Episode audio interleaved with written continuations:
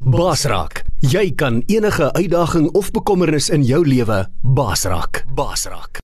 Jy luister na manne van die woord Zoom by einkoms op Basraak Webradio. Nou daar reg daar op die Zoom. Was hy? Ons wag in spanning vir jou. Baie lekker om vanoggend julle te kuier. Vanoggend jou koeligheid in die in die lug gewees, maar uh nou is ook lekker. Ek dink is 'n belofte van reën wat vanoggend hier so is. Baie welkom ook aan die manne op Zoom en die luisteraars. Ek is opgewonde oor vanoggend. Ehm um, ek wil sommer vir Dawie vra, Dawie, wil jy nie vir ons kom open nie asseblief? Baie dankie.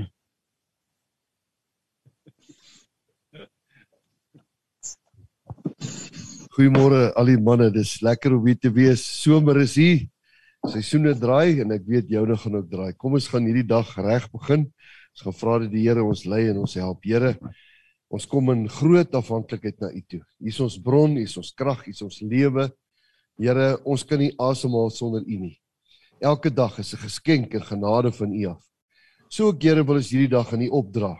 Here, wat ons gaan doen, wat met ons gebeur, ons wil bid dat Psalm 91 oor ons sal wees, dat U ons sal beskerm, ons sal behoed. Here, so ook vir die woord. Vanmôre bring Andrew die woord. Ons sit met opgewondenheid en ons weet ook ons afhanklikheid, Here, dat hierdie woord nie net ons sal laat beter voel nie, nie net ons sal hoop gee nie, maar ook in ons ingeskerp word, Here, daar in die diepte van ons wese. En dat ons sal weet, Here, ons leef in 'n tyd wat ons absoluut so afhanklik is van U. Dankie dat ons vanmôre kan bid dat U 'n God is wat hoor. Dankie dat U luister. Here, U luister na ons as ons praat. U het ore, Here. U 'n hart. En vanmôre wil die seuns na U toe kom in afhanklikheid en met U praat. Dankie Here. Kom seën ons vandag in Jesus se naam. Amen. Dawie. Daar's hy. Manne, ek het ehm, 'n uh, versoek gekry dat ons bietjie kan praat oor 'n um, uitreik. Uh, Daar's nou 'n uitreik wat daar verlede jaar ook gewees het na die boere in die droogte hulp ge gebied. Uh, so daar's 'n versoek die die uitreik gaan wees van die uh, 15de dis hierdie komende naweek vir so 'n week. Ehm um, en die terugvoer wat elke keer uh, daar uitkom is is baie groot. Daar's 'n groot behoefte vir vir pakkies om ehm um, pakkie op te maak of vir donasies, net soos wat julle dit graag sal sal wil doen. Ehm uh, dit word baie verwelkom. Daar's al die inligting. Ehm uh, julle kan vir my ook kontak of vir Jean later as julle meer inligting wil hê. Ehm uh, die lewe te snaaks 'n manier om snaakse draaie te maak. Ehm um, hulle kort nog bakkies en gister redelike tydjie is ons betrokke op hierdie boerehulp skemas. Soos julle weet, ek al vir julle terugvoer gee so die afgelope 2 of 3 jaar. Ehm um, net een insident wat wat gebeur het. Ons het ook so 'n boksie gepak so 'n paar jaar terug en hulle het gevra ons moet net 'n naam daarin sit as die mense wil kontak maak. En ons het dit gedoen en skoon vergeet daarvan. En so seker so 'n jaar daarna, een Sondag aand lei die telefoon en praat 'n man maar hy's so half ongemaklik. Hy sê hy weet nou of hy die regte ding doen nie. Hy sê maar hulle het in die boksie het hulle ons naam gekry en ehm uh, hulle maar toe besluit hulle wil ons bel, maar die ou weet nou nie of ek hom gaan afjaag of ek gaan nie gaan weet wie dit is nie. Lang storie kort te maak, dis mense daar van Strydenburg. Ons baie ehm um, goeie pad begin stap het. Ehm uh, soveel so dat ons omtrent elke week met mekaar gesels het en dan 'n bietjie lekker gekuier het so oor die telefoon mekaar nog nooit ontmoet het nie. En uh ons sou hierdie jaar met die met die blommetjies wat so mooi is, so ons afgegaan het om te toer en daar by hulle gaan kuier het. En net voor dit is 'n uh, Kobus se vrou oorlede aan aan um COVID. En hy sê vir my daar by hulle nee is net bossies. Hy sê waar kom die COVID vandaan van daai? En dit gaan baie moeilik met hom en dis nodig dat hierdie mense ook bemoedig word. Daar's baie sulke mense. Hier by ons is dit nou lekker gereën. Ons tuine lyk nou weer mooi groen en alles is lekker. Maar daar's plekke daar wat baie lanklaas reën gehad het, soveel reën dat die water staan. So hierdie uitreik is om om 'n uh, bietjie om te gaan in daai areas, daai droogte getuisterde gebiede daar in die Karoo in Noord-Kaap om bietjie te gaan kuier. En hulle het kort nog twee bakkies en gister in 'n oomblik van swakheid toe sê ek nee, ons gaan saam. So ek het 'n groot groot klomp goeders. Ek het 'n paar hele paar vergaderings en alles wat ek moet skuif om te gaan, maar uh, ek vra julle gebede um, om te gaan. Daar gebeur baie mooi dinge en uh, ek sien uit na wat ons ook gaan ervaar. So julle gebede eerstens Frans, as daar van julle is wat 'n pakkie wil pak of ehm um, wat ons kan saamvat. Dis maar net 'n boksie. Die inligting is daar wat nodig is vir 'n man net wat die Here op jou hart sit. Ehm um, daar's baie mooi stories wat uitkom van uh, hoe mense gesê het. Hierdie man het gesê hoe lank klaas het hy die ouderend gehad. Hy sê hy voel so skaam as hy van die veld af kom en hy ry nie meer lekker nie. Maar sy vrou aanvaar dit so. En dis nie omdat daar enigiets fout met hulle is nie. Dis die prioriteit is om voer te koop vir die vir die skape en so. So as daar van julle is ook die luisteraars wat ehm um, wat geld wil inbetaal, uh, doen dit asseblief uh, of kontak vir my. Ons sal graag hierdie uh, gaan afgee. So baie dankie daarvoor. Dankie Jean. Manne vanoggend wil ek so 'n bietjie met ons praat oor uh, oor die tema van wat is die waarde van ons stamboom? Of soos wat baie mense ook baie keer van praat uh te sê wat is jou pedigree? Uh, Nou dit is 'n direkte afstammeling of of of ehm um, ehm um, naam vir die Engelse naam die pedigree van die stamboom. Maar ongelukkig in ons Afrikaanse uh konteks praat ons baie keer negatief oor die woord pedigree. Ons gebruik dit baie keer om iemand se status of of wat ek al aan te toon. So baie van julle het al seker al hierdie prentjie gesien agter op die karre, daai middelste prentjie. Dit is van pappa en mamma en ouboet en sus en dan kleinboet en dan sommer die hond en die kat ook. Ek het nou die dag het ek so eendag gesien wat 'n besem op daai het en uh, toe sê ek dit sê iemand nee, hy dink as hy ou so skoon maar wat ek al so ehm um, maar die interessant die konteks van hierdie wat ons vandag na kyk is baie keer is die familie self. Jy sien bittermin, ek weet nie of julle dit al gesien het hierdie prentjies. Laat die mense ook nou sê nie, maar hier's oupa en oupa grootjie en al daai. So vandag se moderne tyd is dit baie keer die klein familie. En nou sal jy sien daar in die in die ronde om dit is daar 'n klomp ander ehm um, familiewapens. Daar's die Jordaans en die Du Plessis, die Toys, uh daar selfs spiese daarso onder oup onder die pa daar en die beers en vermaaks. Ehm um, so baie mooi familie ehm um, wapens en baie mooi tradisies. Toe ek nou gaan lees oor elkeen van daai is dit te wonderlik hoe dit ingekleer word. Hierdie status van elkeen, daar's almal het baie mooi familiewapens en as jy nou gaan lees wat beteken dit die simbole van daai dan sal jy sien elkeen van hulle het nou 'n vreeslike storie wat baie mooi is. So jy kry nie nou regtig 'n 'n familiewapen as jy gaan lees wat is die simbool daarvan wat nou nie baie lekker is nie. So ek het so 'n paar van hulle gaan gaan kyk en dis laat my dink aan die storie van die van die predikant toe hy die ou oom gaan begrawe het wat so 'n moeilike oom was. En uh toe dit nou die dankseggingstyd en die eerbewone uh, eerbewys is die verskillende mense wat opkom. Dus die ou oom, sê nou maar oom Gert was baie ryk geweest. So almal dink nou as hulle nou 'n mooi woordjie gee op sy begrafnis dan uh, dan gaan hulle dalk iewers in die testament in in aanmerking kom. En so gaan hierdie um, een na die ander en hulle praat die wonderlikste goed van die oom oom Gert. En op 'n stadium beroep die die dominee so vir die vir die oraliste en hy sê jong ons by die regte begrafnis want die oom wat ek geken het en die een wat hulle nou hiervan praat is nie dieselfde een nie. So baie keer is dit wat wat ons familie staanboom en al hierdie goeters is so belangrik vir ons en ons identiteit. Nou ek het so vinnig gekyk, maar ek het 'n uh, eh, en al hierdie was was vorstelik of hulle was baie brawe mense gewees of wat ek al in hulle in hulle stamboom. So ek het nog nie almal gekyk nie. Ek weet nog nie wat is die die koekemoers en die ander ouens se se sterkpunte nie. So maar dit is 'n gesprek vir 'n ander dag.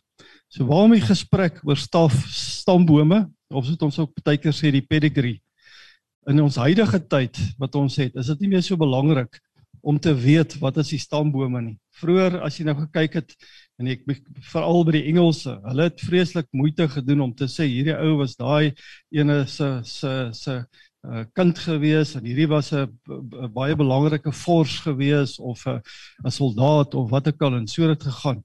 Nou as jy kyk um, in vandag se tyd is dit skaars dat dit meer as 6 geslagte is, 5 of 6 geslagte.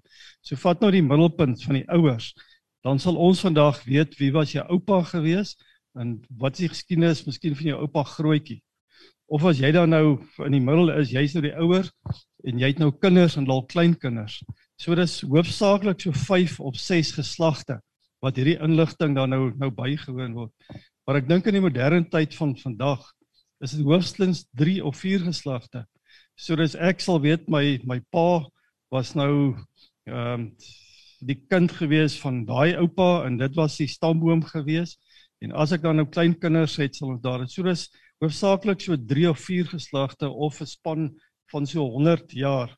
So ek weet nie of hier van julle is wat vandag kan sê met groot vrymoedigheid dat ehm um, julle is baie vertroud met jou staf stamboom oor 'n klomp generasies heen nie. Dit is vandag nie meer so vreeslik uh, belangrik nie.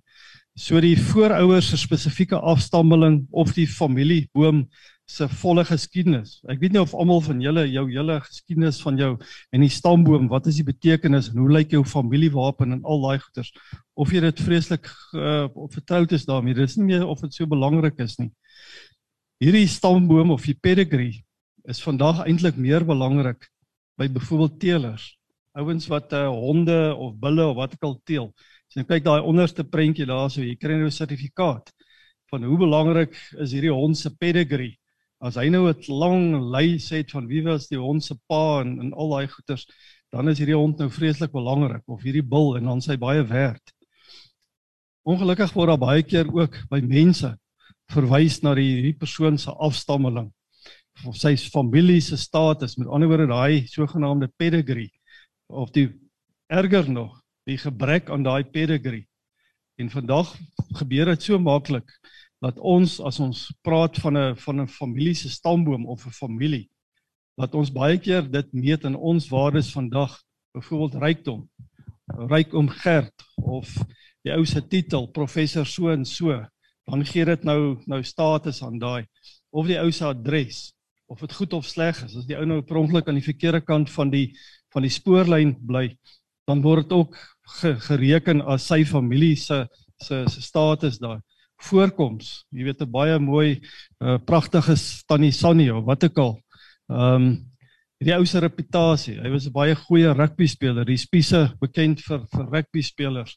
So of dit nou een is of almal is, so dit gee dit die sta, status van daai familie is almal goeie uh, rugby spelers uh, van daai. So daar kan baie verskillende maniere wees hoe ons vandag dan nou hierdie pedigree uit ons uh, oogpunt hoe ons dit dan nou takseer. Ek het bietjie gaan kyk sommer na ons familie stamboom en daar onder is drie wapens. Ehm um, dit lyk vir my of ons Meyer familie afstammelinge is van die Duitsers, daai onderste eerste wapen en dan die Nederlandses of die Franse. So nou daar's iets wat deur al drie daai redelik standaard is en dis 'n boom. Ek het eers gedag is 'n cypressboom, maar toe sien ek daar by die Franse, hulle is mos altyd anderste, is 'n ander tipe boom wat daar is. So het ek nou gedink, okay, die boom beteken dalk nou vrugbaarheid. Nou as jy die boonste prentjie daar kyk, dan kan jy duidelik sien in die ou tyd het die mense nie te veel televisie gekyk nie. Hulle het ander ehm um, belangstellings gehad. So die meeste van daai families was baie groot. Jy sien so 9 of 11 of 13 kinders was nie vreeslik snaaks geweest nie. Nou as jy nou daai foto kyk daarso, dan ons kan na mekaar se foto's kyk. Sou dit lekker gesprek gewees het. Ek dink ons sou lank kon gesels het en gelag het oor al hierdie ou foto's. As jy net kyk daai daai ene daar en jy kan sien, dan sien jy elkeen se se eie gesig. Daai ou dogtertjie daar voor nê. Sy het redelike angs vir die oom wat die fotograaf was. In die ou tyd het hulle mos die ou baas so gebuk en dan het hy so swart doek onder hom gekoop en dan het hy gevroetel dat dit vrek en dan het hy so 'n uh, ding gehad hierso wat gelaai was. Dit lyk of die ding so skoot afgaan. En as die skoot afgegaan het nê, nee, dan dan die klomp hulle vrek geskik. En ek dink nou daai timing moes perfek gewees het want as die flash afgaan en die oom moet nog nie die goeders hier reg om dit oordoen. So jy kan nou 'n paar van daai foto's nou tipies nou sien die irritasie wat seker daar gewees het. Hierdie een dogter wat hier voor sit. Jy kan sien sy is nie meer dik van die lag vir hierdie lang sittery sittery nie. Sy moes dalk nog die hoenders gaan kos gee of wat ook al. Maar sien julle daar in die middel agter staan 'n mannetjie, hy's redelik spoggerig. Kyk, hy staan met sy hand so. Ek is seker daai knap, hy het later of 'n politikus geword of een of ander belangrike, hy het die regte houding. Nou ons kan lekker lag oor al hierdie goeters. Maar ek dink as 'n ou so kyk aan hier in jou stamboom, iewerste was daar dalk ook 'n hartseer saak. Iewerste was daar miskien 'n alkolikus pa gewees of 'n broer wat die pad byster geloop geraak het wat miskien in die tronk beland het of 'n skelm geraak het of 'n suster of wat ook al. So het elke een van daai families en daai stambome sy eie is. Hier aan die linkerkant is 'n 'n foto is 'n ek ken hom nie eers nie. Dis iewerste in ons voorvaders. Ek sien Eugene kyk daar so met groot belangstelling. Dis Johannes Petrus Meyer. Hy was 'n member of the First Volksraad of Johannesburg in 1886. Ek ken nie die ou baas nie, maar ek kan sien dat sy gelaag laatstrekke dat daar is daar baie sterk uh, Meyer ooreenkomste uh, van daai. Uh, so jy kan sien hierdie ou lyk ook so 'n bietjie hy tier daar in die verte in. Nou, ek dink hy wonder of regtig is hy nou Duitser of 'n Nederlander of 'n Fransman of waar kom sy sy agtergrond? En as 'n ou nou eers so 'n bietjie begin in hierdie goeters kyk in jou eie families en jou eie ehm um, stamboom, ek dink dan dan besef mens daar's daar's dinge wat gebeur het in jou verlede in jou voorvaders wat jy in jou afstammelinge wat jy nie altyd op van vertroud is nie of dit nou goed of sleg is. Kom ons kyk 'n bietjie, ons trek dit na vanoggend se woord toe. Hoe lyk Jesus se se geslagsregister? Stambome en afstammelinge. Met ander woorde, die geslagsregisters is 'n sterk Bybelse beginsel. Ons sien dit baie. Daar word verskeie kere verwys daarna, veral in die Ou Testament. En nou hierdie persone is en hier regs onder is net 'n voorbeeld van dit, die familie stamboom van van Rut. Sien dit in Rut 4 vers 21 tot 22 en ook later in Matteus 1 dat Rut en Boas was getroud gewees en uit hulle huwelik uit is Obed en Jesse en later Dawid en toe ook Jesus gebore. So jy sien baie keer in die Ou Testament om konteks te gee om te sê hoe belangrik is hierdie persone wat ek al laat hulle daai aantoon. Die geslagsregister van Jesus volgens Matteus word heelwat anders te aangegee as die evangelie van Lukas.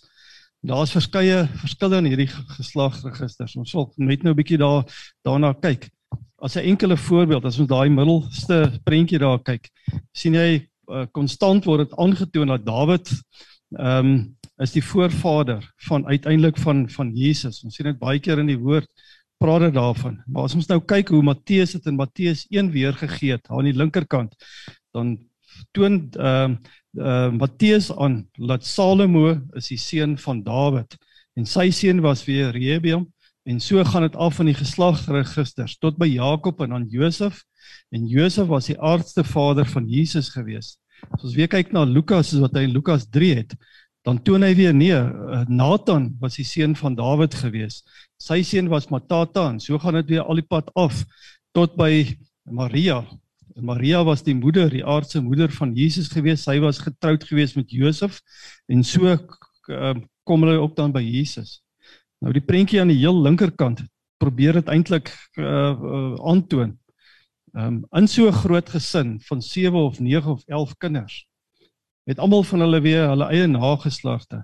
Ek is seker as ons manne wat hier vanoggend kans het net bietjie te praat sonder dat ons dit weet van ons iewerste agterkom. Uh, die spiese en die Hardings het iewerste was daar 'n trouery gewees lank terug en julle is eintlik ver langs familie of wat ook al. So daai stambome kan almal uiteindelik by dieselfde persoon uitkom by Jesus. So dis nie regtig dat daar 'n 'n fout is nie van daai nie. Ehm um, dit is maar net hoe dit aangetoon is. So kom ons kyk bietjie na Lukas 3 verse 23 tot 38 wat die geslagregister van Jesus uitbeeld. Nou voordat ek verder gaan, wil ek nou vra, onthou man, ons is kerkmense. Wil nie julle met vanoggend nou nou jok vir mekaar nie.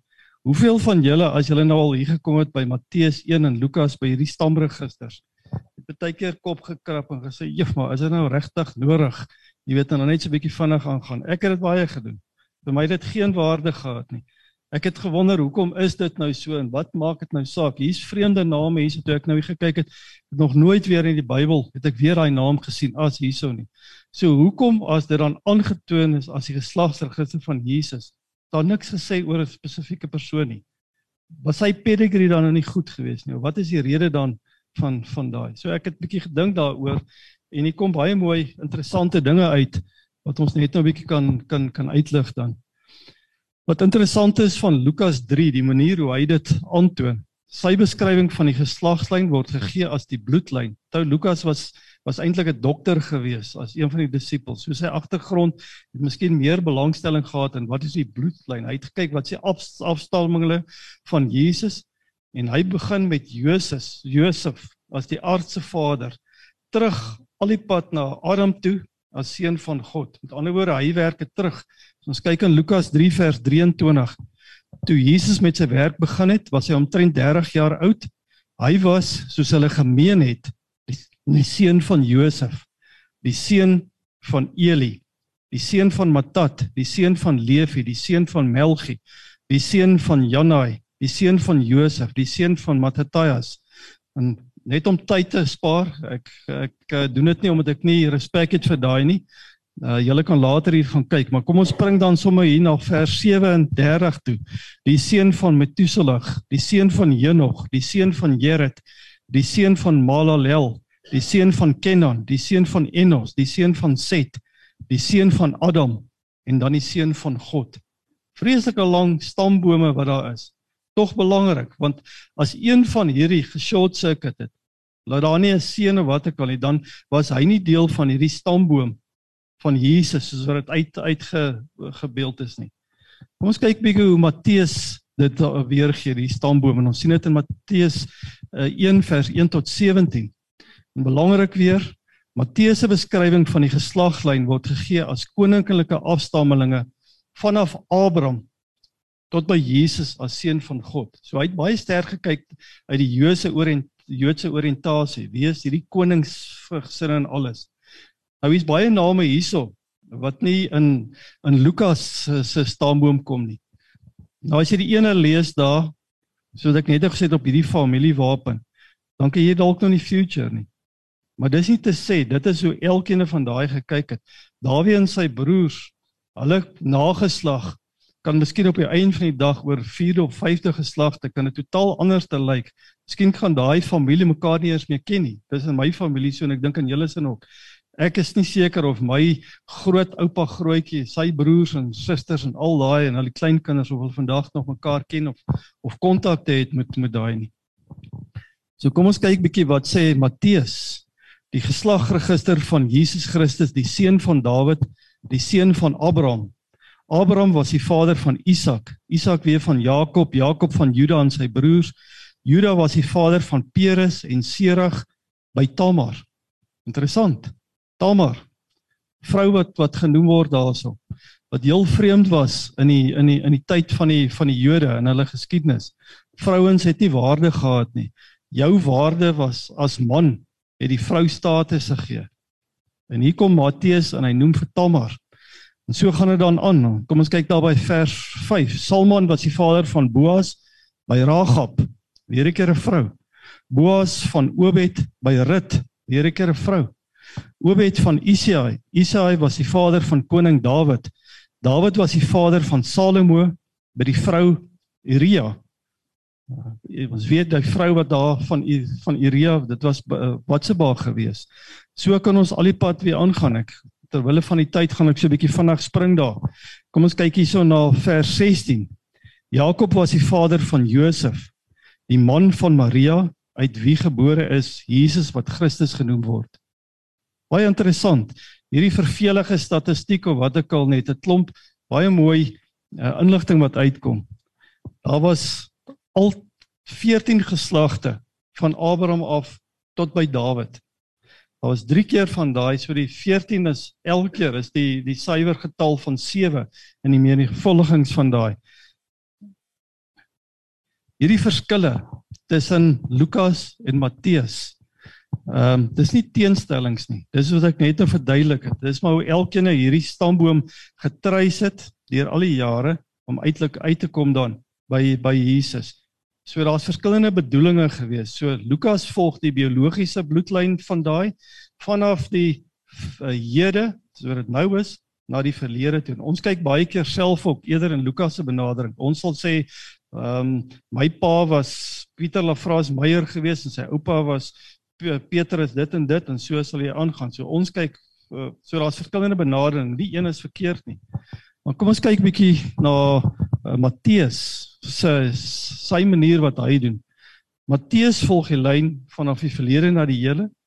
Ehm um, en hy doen dit spesifiek om aan te toon dat Jesus die Messias was, die beloofde koning, die seun van die koning van Dawid. Hy het sy geslagslyn, het hy dit opgeteken spesifiek gedoen vir die Jode sodat hy die Jode se se se koningshuis of die adellikheid van dit kon aangetoon het. Dit was baie belangrik geweest vir die Jode om daai status te hê. So hy het dit spesifiek in daai gedoen. Maar daar's nie 'n dis dis nie 'n konflik die biologiese en die koninklike lyn soos wat hulle dit aangetoon het nie. Dis vir 'n spesifieke doel geweest. Ons lees daarom ook dan 3 keer so in Matteus van daai geslagte wat ek gesê het, elke keer van uh, 14 jaar, totaal 42 geslagte wat daar gaan. En baie interessante ding wat wat gebeur na die laaste keer wat wat hierdie geslagslyn aangetoon het. In die laaste boek van die Ou Ou Testament het dit 500 jaar gevat. Daar niks gebeur het nie. Jy sien dat daai aangetoon is wie was nou daai volgende geslagte nie. Daar was amper 500 jaar, 400 dink 26 jaar waar daar eintlik niks gebeur het nie. Wat God stil gewees het. God het nie met sy volk gepraat nie omdat hulle in afvalligheid gewees het. En toe spring dit na Matteus 1 toe wat Matteus weer toe begin praat van die geslagsregister. Maar hy trek dit terug tot tot by by Jesus. Ek dink wat baie opval is spesifiek hierdie in Matteus se geslagsregister. Hierdie vrouens waarvan hy praat. Daai vrouens is nie sommer enige vrou nie. Ek dink paar van hulle is vrouens wat ons nie regtig sou gedink het dat iemand wat so belangrik hierdie hierdie koninklike lyn volg dat hy so iemand in die in die geslagsregister uh, sou begesit het van Jesus nie. So kom ons kyk bietjie manne. Hier spring dit uit. Die naam was Tamar was daar gewees en ons lees vir haar in Genesis 38. Nou kom was Tamar daar. Haar storie is nie 'n mooi storie nie. Ehm um, ons lees in haar verhaal dat sy 'n Kanaaniet was en sy was 'n heiden wat baie ander vreemde gode aanbid het. So sy was nie hierdie ideale vrou wat in hierdie stamboom moet wees nie. Sy was glad nie deel van die Joodse volk nie, maar sy was gekies vir die vrou van Er deur Jakob se seun Juda. Nou Er was 'n ander skermonkel geweest. Hy was regtig baie sleg geweest. Hy was so sleg dat die woord vir ons sê dat God het met hom so kwaad geword dat God hom uiteindelik doodgemaak het. So hierdie stamboom wat wat sou afgegaan het nê, sou by Er ge, gestop het. Die nageslag van Juda. Ons lees baie van Juda en wat hy ook gedoen het. Hy was 'n groot figuur gewees in die, in die, in die, in die Bybel. En toe Er nou nou dood is, toe kom sy vrou Tamar agter, maar in die Joodse tradisie tel die vrouens nie baie nie. As jy nie 'n seun het nie, is daar nie regtig iemand wat vir jou gaan soek, gaan sorg op jou ou dag en wat die status het en wat kan aangaan nie. So sy was desperaat geweest om ook 'n seun te hê. Nou die tradisie van daai tyd het gesê as 'n vrou doodgaan, dan moet haar broers trou met haar. Nou die een broer het gesê nee, maar hierdie vrou se reputasie en goeders hou hy niks van nie maar volgens die tradisie moes hy moes hy gevat het as vrou.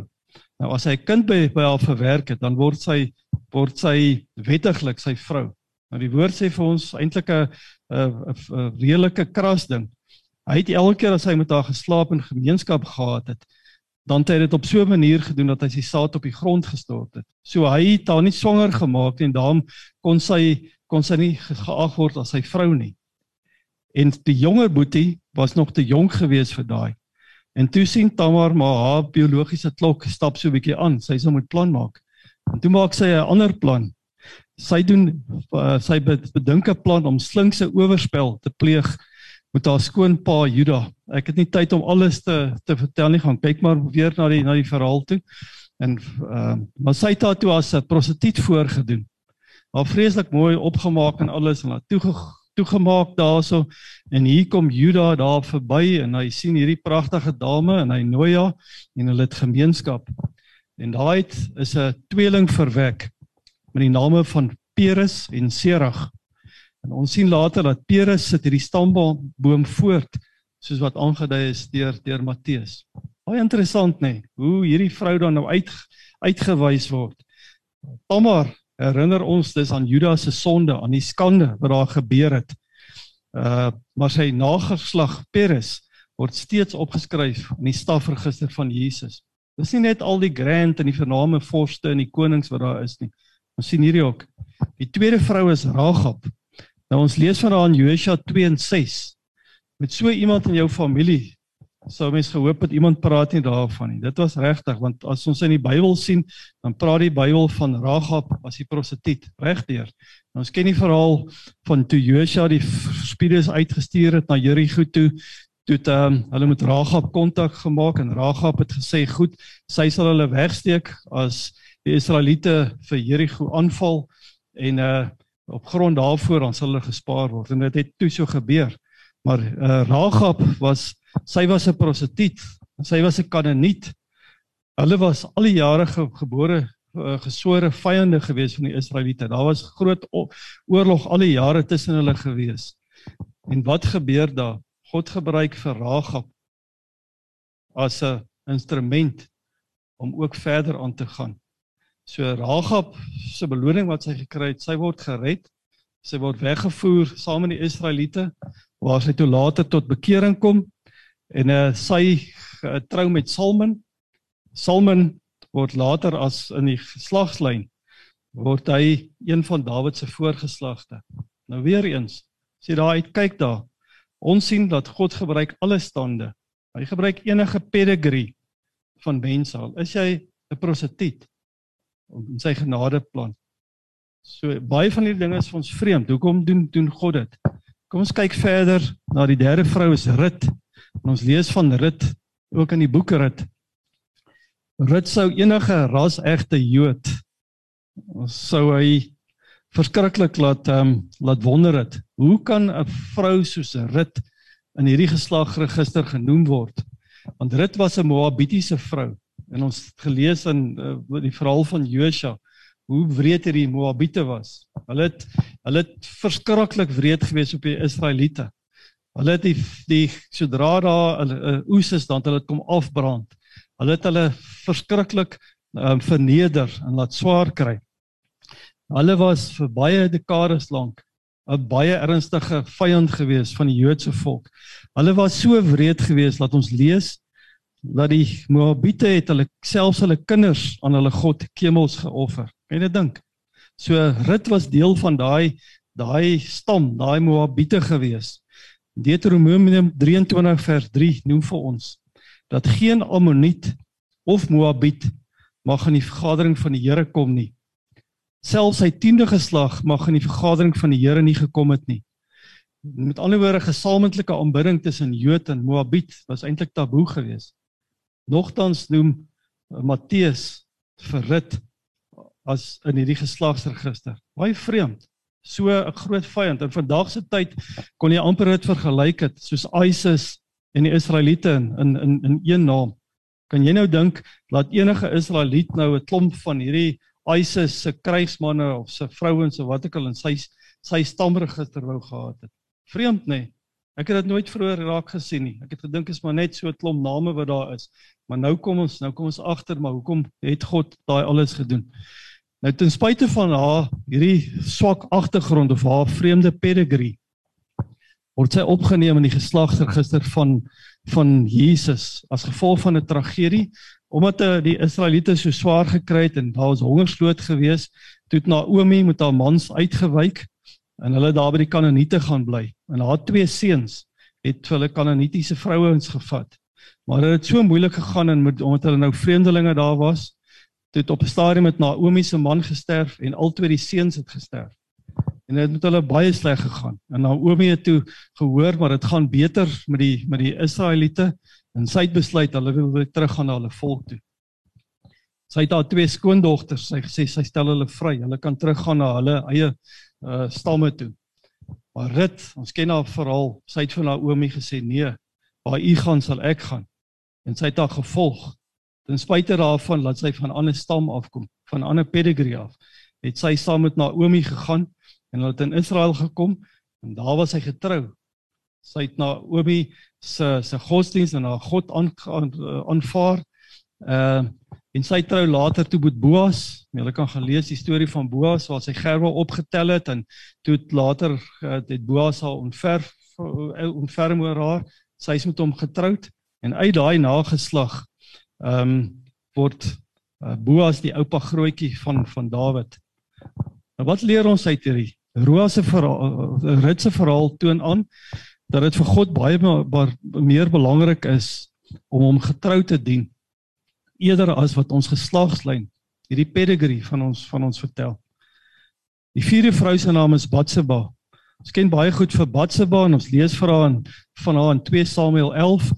Dis die verhaal van Dawid wat Dawid gestaan het en hy het so afgekyk in sy paleis en hier uh, Batseba wat sy gebad en hy het gesien maar dis nou 'n baie mooi dame hier en hy het haar genooi na hom toe en hy het haar onteer. Terwyl sy getroud was, Dawid pleeg oorspel. En toe sy swanger word, toe besef hy maar nou hier's nou so 'n bietjie 'n probleempie, want hoe gaan hy dit nou nou regkry? En hy laat haar man Uria wat 'n baie goeie soldaat is, laat hy kom en hy laat hom eet en hy sê vir hom man gaan slaap by jou vrou en alles want dan kan dit mos nou aangedui word dat Uria het het vir Batseba swanger gemaak. Maar dit werk nie so uit nie. Uria sê nee. Hy kan nie gaan hier getreat word en al die dinge lekker gedinge gedoen word terwyl die Israel se volk in in oorlog is nie. Hy moet teruggaan soen toe. En hier backfire dit vir Dawid, want nou kan hy nie daai alibi gebruik nie. Toe moet hy 'n ander plan maak. Toe gee hy opdrag dat Uria moet uit die gevaarlikste gedeelte van die gevegslinie moet hy ontplooi word sodat hy doodgemaak word. En dit gebeur ook toe. So Dawid pleeg nie net oorspel nie, hy pleeg moord ook. En God straf hulle. En daai eerste seun van hulle van hom en Batseba, die sterf toe. En ons ken die hele verhaal, dis eintlik 'n baie mooi verhaal. Ons het dit al baie gehoor. Is daar toe groot ehm um, repentance by Dawid. Dawid besef toe hy hy is verkeerd en hy gaan toe en hy verootmoedig hom voor God. En God vergewe hom. Ons het die mooi psalms wat ons van van Dawid sien. Ons lees dat dat God sê Dawid was 'n man na sy hart. Dawid het baie keer foute gemaak. Hy het snaakse dinge gedoen. Na een veldslag het Dawid kaal gaan dans in die strate. Koning Dawid gaan dans kaal daar in die strate. Nou kan jy dink hoe opspraakwekkend was dit gewees. En nou dink Dawie, as jy nou moet hoor jou oupa het hier in Kerkstraat nadat die bulle vir die WP gewen het, is hy so bly en hy gaan jive hier so in Kerkstraat van daai kaalgat nog op. En terwyl hy so 'n bietjie onder onder die prop was. So dis goeters wat hy ou nie graag wil hê nie, maar dis die waarheid van daai. So ons sien dat Batseba herinner ons aan ons gruwelike sondes. Selfs van konings soos Dawid. Maar daar storie vertel ook van groot genade wanneer Dawid of ons ons sondes verly.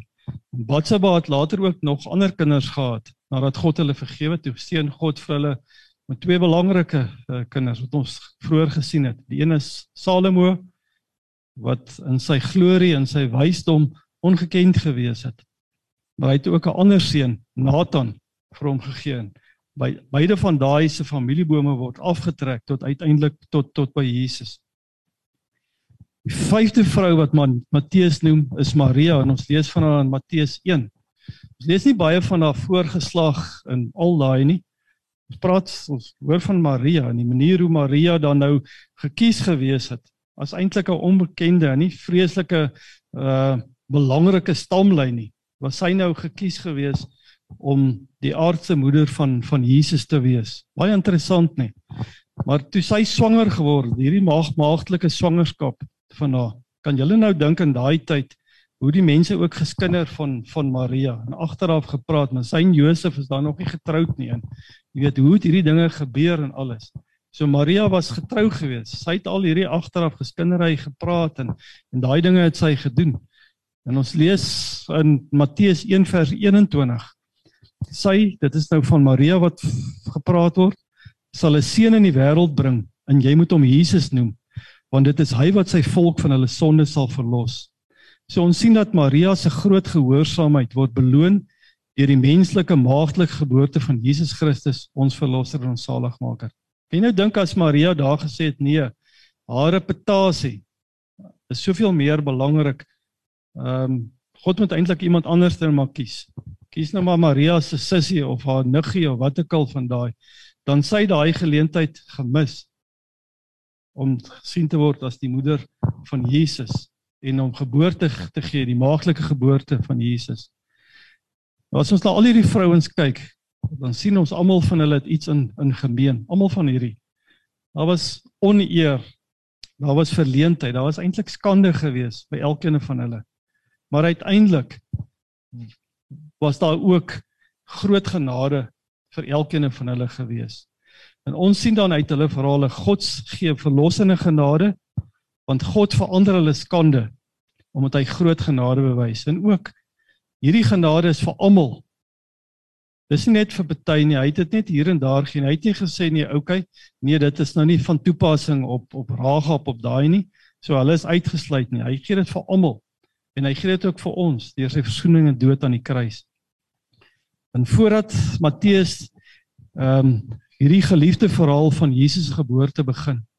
Interessant, nadat Jesus gebore is, sien ons nie meer in evangelies die heeltyd 'n aanduiding van wie was nou die nageslag van Jesus gewees en sy broers en hoe gaan dit verder af nie. Was 'n goeie rede daarvoor. Want na Jesus het ons almal eintlik die voorreg gehad om broers en susters van Jesus te wees. Ons almal deel van hierdie van hierdie koninklike nageslag van Jesus. So dit raak nie meer so belangrik om nou te sê maar wie is die voorvaders nie. Die die speelveld is gelyk gemaak met Jesus se se geboorte. En die deel wat uh, Jesus vir ons kom wys het met hierdie is dat hy's daar om sondaars te vergewe wat hulle opreg bekeer. Sy doel is om vreemdelinge sy kinders te maak. Ons het gesien byvoorbeeld uit uit ehm um, Rahab en die ander, hulle is eintlik vreemde, hulle is vyande. Hy het dit gedoen ook om sodat ons weet dat sy koms na die aarde toe is om sy vyande te versoen. Om juis hulle wat verlore is ook te kom soek. En dan om deur sy groot genade dit moontlik te maak vir elkeen van ons om ook die ewige lewe te beerwe. Hierdie vroue en die 42 geslagte wat aangedui is, wil daarom vir ons verkondig. Dis onverdiende genade. Ek dink nie as ons net hierdie paar vrouens vat en ons sien eintlik wat hulle gedoen het dat as ons dit nou beoordeel sou ons sê maar joh, miskien kon ons maar net van hulle vergeet het of miskien het hulle nou 'n prominente suster of iemand anders gehad wat ons nou net hierdie hierdie stamlyn nou verder kon kon kon geweef het nie. Wanneer ons na hierdie vrou in Jesus se familie, sy stamboom kyk, word aan ons ook iets van die wese van die kerk, aan die woord die familie van Christus geopenbaar. Ons kerk vandag is die familie van Christus. Maar dit maak nie dat ons nou kan skielik sê maar ons is deel van hierdie grand familie nie. Omdat ons nou in die kerk is, is ander mense van hierdie of daai of daai kerk nou nie so belangrik nie. So dit sê dit glad nie. Maar nog 'n ding is in hierdie kerk van Jesus is almal almal is is broers en kan broers en susters van God genoem word. En dis nie afhanklik van ons eie familie of hierdie pedigree of ook nou baie belangrik is of my oupa of ouma baie belangrik is of selfs die moontlike gebrek aan daai pedigree nie. As jou familie se stamboom iewerste nie baie goeie uh, uh familielede ingehaat het nie, beteken dit nie jy word nou gediskwalifiseer nie. God se genade is so groot. En hierdie 42 geslagte van Jesus se geslagsregisters en al daai verskeie karakters kondig vir ons baie duidelik. God sal red. Aan almal wat die bemoediging die behoefte het aan troos en bemoedig bemoediging verkondig hierdie geslagsregister dat Jesus skam hom nie dat ons almal van ons, elkeen van ons wat ook vandag hier is en ook luisteraars, sy broers en susters kan wees. En ons sien dit so baie duidelik in 1 Johannes 3 sê vir ons kyk watter groot liefde die Vader aan ons bewys het Hy noem ons kinders van God. In vers 2: Geliefdes, ons is nou reeds kinders van God. So ons is deel van hierdie stamboom deur Jesus Christus. Daar's ander maniere wat ons ook kan sien. Deur hierdie gelykenisse van die verlore skaap, van die verlore penning, van die verlore seun. Is dit ook vir ons 'n manier van hoe Jesus ons wil nader trek? Hy gee nie moed op nie. Hy sê nie nee, maar okay, hierdie ou het nou in die rigting aangegaan. So sy storie is nou klaar. Kom ons trek 'n streepie, dis nou klaar. God het 'n manier wat hy elkeen van ons, ongeag van ons pedigree, wat hy vir ons wil wil betrek. Nou is dit ongelukkig so dat baie mense wil nie die volle evangelie aanvaar nie. Ons wil mooi storieetjies hê, die lekker stories. Ons wil die Rahabs en die Rits en al daai wil ons eintlik uithou. Ons wil hierdie good good feeling woord wil ons hê.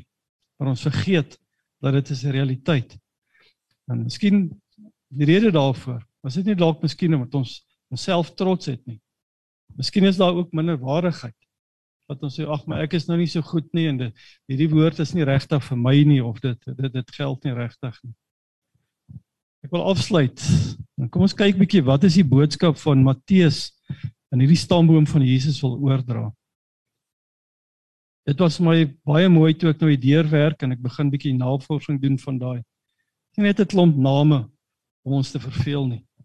Daar's baie goeie waarde en dit sê vir ons dat niks in die woord, niks nie in die Ou Testament en nie in die Nuwe Testament het nie waarde nie. God het elke woord wat daar geskryf is, elke naam het hy 'n goeie rede voor gehad. Daar's 'n goeie bedoeling daarvoor. Ons verlosser is nie gebore uit hierdie volkomme stamboom. Hierdie mense met hierdie perfekte pedigree nie. Nee. God se stamboom, Jesus se stamboom wat afgaan, sluit alle mense in. Matteus beskryf dit so baie mooi en hy beklem toe dat Jesus se geslaglyn hoe groot is God se trou en sy gepaardgaande genade vir elkeen van ons. Die doel is dat ons altyd sal onthou Dit gaan vir God oor mense en sy liefde vir mense. Nie op pedigree nie. Ons vandag hier so sit, maak dit nie saak by God.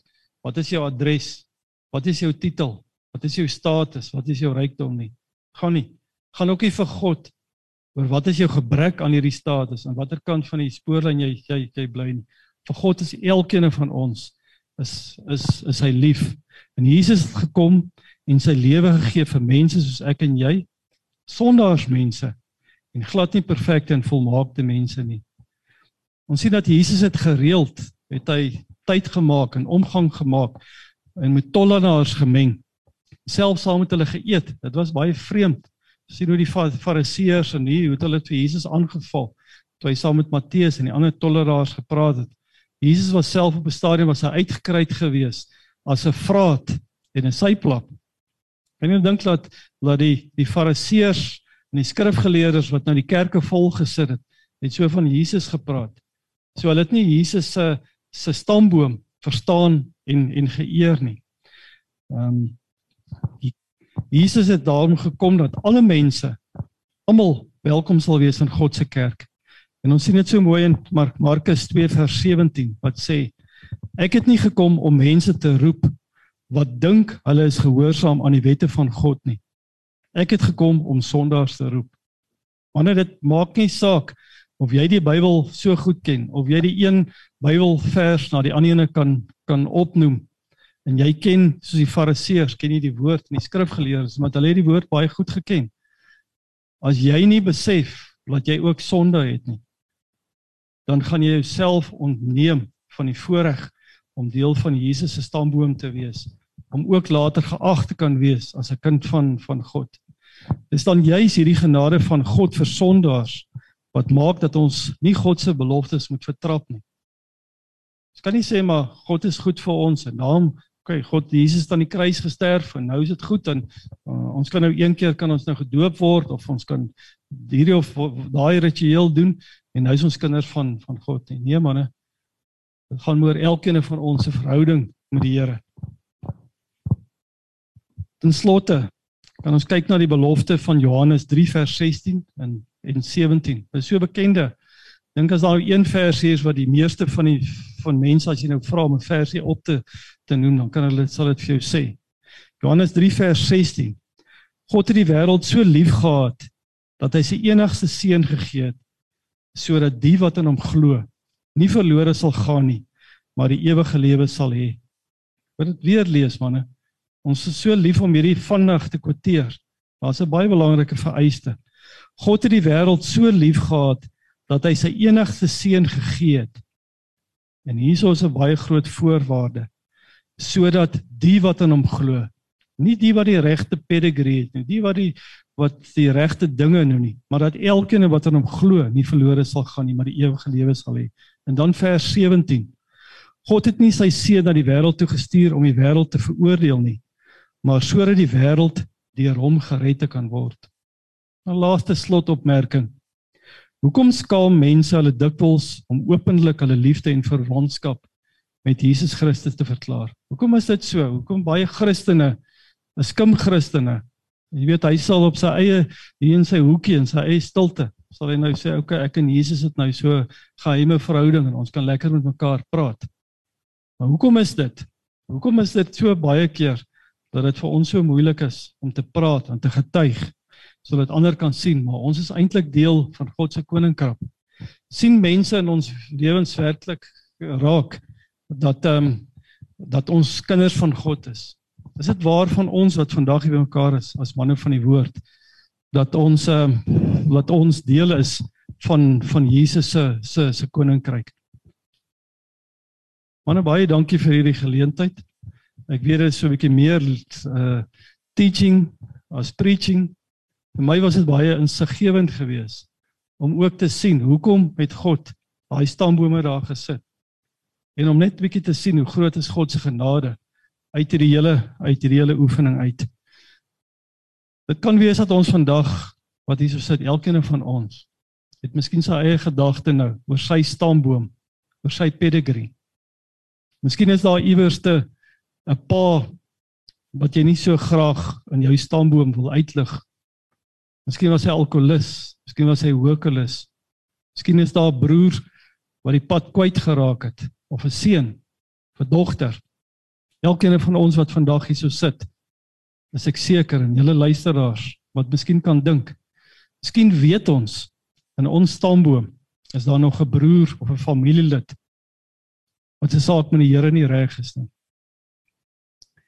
Dis belangrik manne dat ons ook erns vat met hierdie saak. Dit gaan nie net oor ons nie. Dit gaan nie oor daai heel eerste prentjie wat ek vir julle gewys het. Daai plakkertjie, daai stiker agter op die kar wat net wys dis ek en my vrou en ons kinders en die hond en die kat daai nie. Die res maak nie regtig saak nie. Belangrik dat ons vandag weet jou status, jou aardse status of jou gebrek daaraan is nie vir God belangrik nie. Vandag kan jy wees van ons wat ook voel maar jof, ek is nie regtig deel. As iets wat gebeur het, miskien ek self wat hierdie stamboom beswaarder het. Miskien is daar iewerste 'n familielid, 'n man wat in die tronk is of wat nog nie reg is nie. Wat waaroor ons nie trots is nie. Elkeen van ons moet bietjie gaan weer net kyk na waar wat is ons verhouding rondom hierdie stambome? Waar pas ons in? En ek sou wil vir julle vra dat julle net saam met my dat ons sal stil raak voor die Here en net sal dink oor waar pas ons in in terme van hierdie stamboom. Dierbare Here, baie dankie vir hierdie tydjie vanoggend wat ons net so 'n bietjie weer perspektief kon gekry het Here oor u stamboom. Dankie Here dat ons uit hierdie geskiedenis van die nageslagte kon gesien het Vader, het vir elkeen van ons lief. Here, u het 'n doel met elkeen van ons. Vader, daar's 'n legacy wat elkeen van ons wat hierso vandag kyk of wat ook later gaan luister, moet besef, Here, ons het 'n verantwoordelikheid, ook ons kinders. Here, die manier wat ons onsself handhaaf, die manier wat ons 'n voorbeeld is, Here wil U vir ons help elkeen van ons. Vader dat ons hierdie aanklagte wat die duiwel so baie keer vir ons gee dat ons nie goed genoeg is nie. Here dat iemand ander beter is as ons. Dat ons 'n broer of 'n familielid wat so lyk of alles net goed gaan met hom en is hy eintlik die blue-eyed boy of die of die vername suster of die familielid in hierdie familie. Maar Here, miskien is hy nie gered nie. Vader, en vergewe ons dat ons so baie keer met ons aardse oë na mekaar kyk. Here, dat ons so baie keer hierdie spreekwoordelike spoorlyn, Here, afhangend van watter kant van hierdie spoorlyn jy dan nou leef, dat ons dit ook baie keer gebruik, Here, om ander mense te takseer in terme van hulle pedigree, van hulle status. Vergewe ons, Here. Vergewe vir my en vir elkeen van ons boetas en die luisteraars wat dit waar kan wees van ons. Here al gaan dit oor gemeenskappe of verskillende rasse waar ons hierdie sonde gepleeg het om nie te besef Here elkeen is vir U belangrik nie. Dankie Here dat U aarde toe gekom het vir sondaars. Here om sondaars soos ek en elkeen wat vandag hier luister dat ons vir U belangrik is. Ag en Vader, ek wil ook bid vir oggend en ek wil sommer namens ons almal pleit Here vir vergifnis.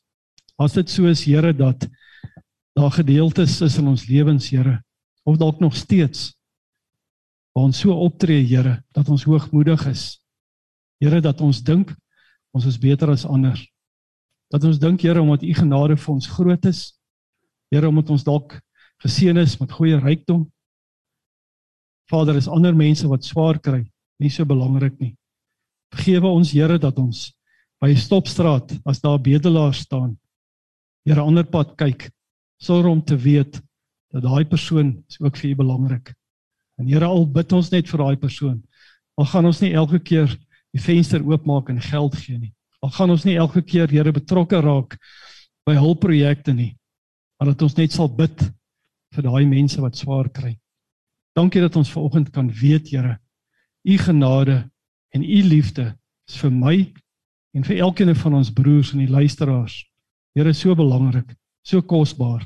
So kosbaar Here dat u hierdie groot prys betaal het dat u seun Jesus Christus gestuur het en dat ons in Matteus 1 kan lees, Here, van die die, die verhaal van Jesus Christus. Here, ons gedenk dit jaarliks wanneer ons ook rondom Kerstyd en ander geleenthede in die Pinkster, in die Hemelvaart ons dit ervaar. En Here beleef dat u genade vir ons groot was. Dankie Vader dat u nie die aarde toe gekom het net as 'n koning nie. Here koning om al die glorie te kry nie. Maar dat U reeds Here vir ons die perfekte voorbeeld gewees het van nederigheid, van liefde. Daarom bid ek vir oggend dat dit sal waar wees van manne van die woord. Here ook elkeen wat later na hierdie boodskap luister. Dat dit ons harte sal wees dat ons lese sal waar wees, Here, dat ons 'n passie het vir siele. Want Vader, as ons eendag voor U staan, dan gaan U nie vir ons vra hoe groot was ons huis, wat was ons adres, wat was ons titel, hoeveel geld het ons in die bank gehad nie. Here, U gaan ons oordeel oor die skatte wat ons in die hemel bymekaar gemaak het. Dankie vir vanoggend, Here.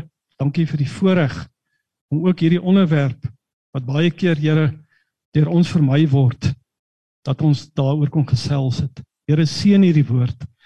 Wil U vir elkeen van ons, Here, die wysheid gee om ook so op te tree Vader dat ons vir ons u wil sal wees.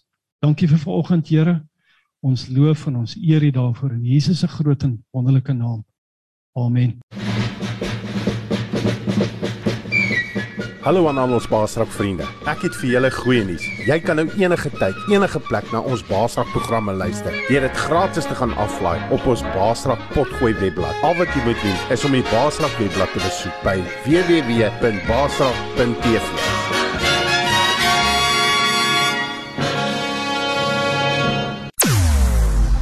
Jou oorwinning in Christus radio. Baasrak Web Radio.